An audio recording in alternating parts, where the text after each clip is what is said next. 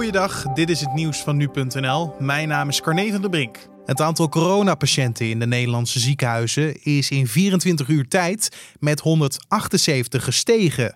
Zo meldt het Landelijk Coördinatiecentrum Patiëntenspreiding vandaag. Dat is de grootste dagelijkse toename sinds de cijfers worden bijgehouden. De ziekenhuizen zitten momenteel boven de piek van de tweede golf.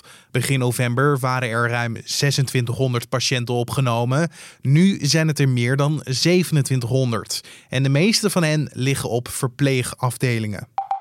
Het RIVM heeft in de afgelopen week ruim 67.000 positieve coronatests geregistreerd. Dat zijn er bijna 15.000 minder dan een week eerder. Volgens het RIVM kan de daling een eerste effect zijn van de lockdown die in december inging. Maar de experts wijzen ook op de mogelijke invloed van de feestdagen. Er kwamen namelijk fors minder personen op teststraten af dan een week eerder.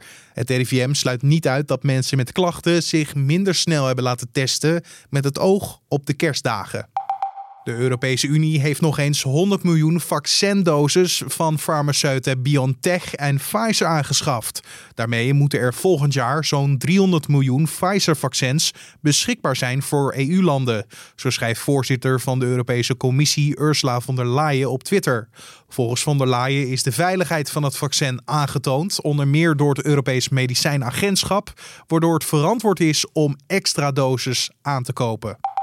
Kroatië is vandaag getroffen door een zware aardbeving. Internationale persbureaus melden een beving met een kracht variërend van 6,2 tot 6,4 op de schaal van Richter.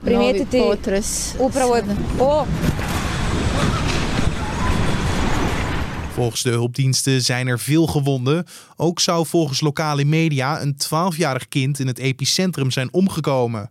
Het Kroatische Rode Kruis meldt op Twitter dat daar sprake is van een zeer ernstige situatie. En tot zover de nieuwsupdate van nu.nl.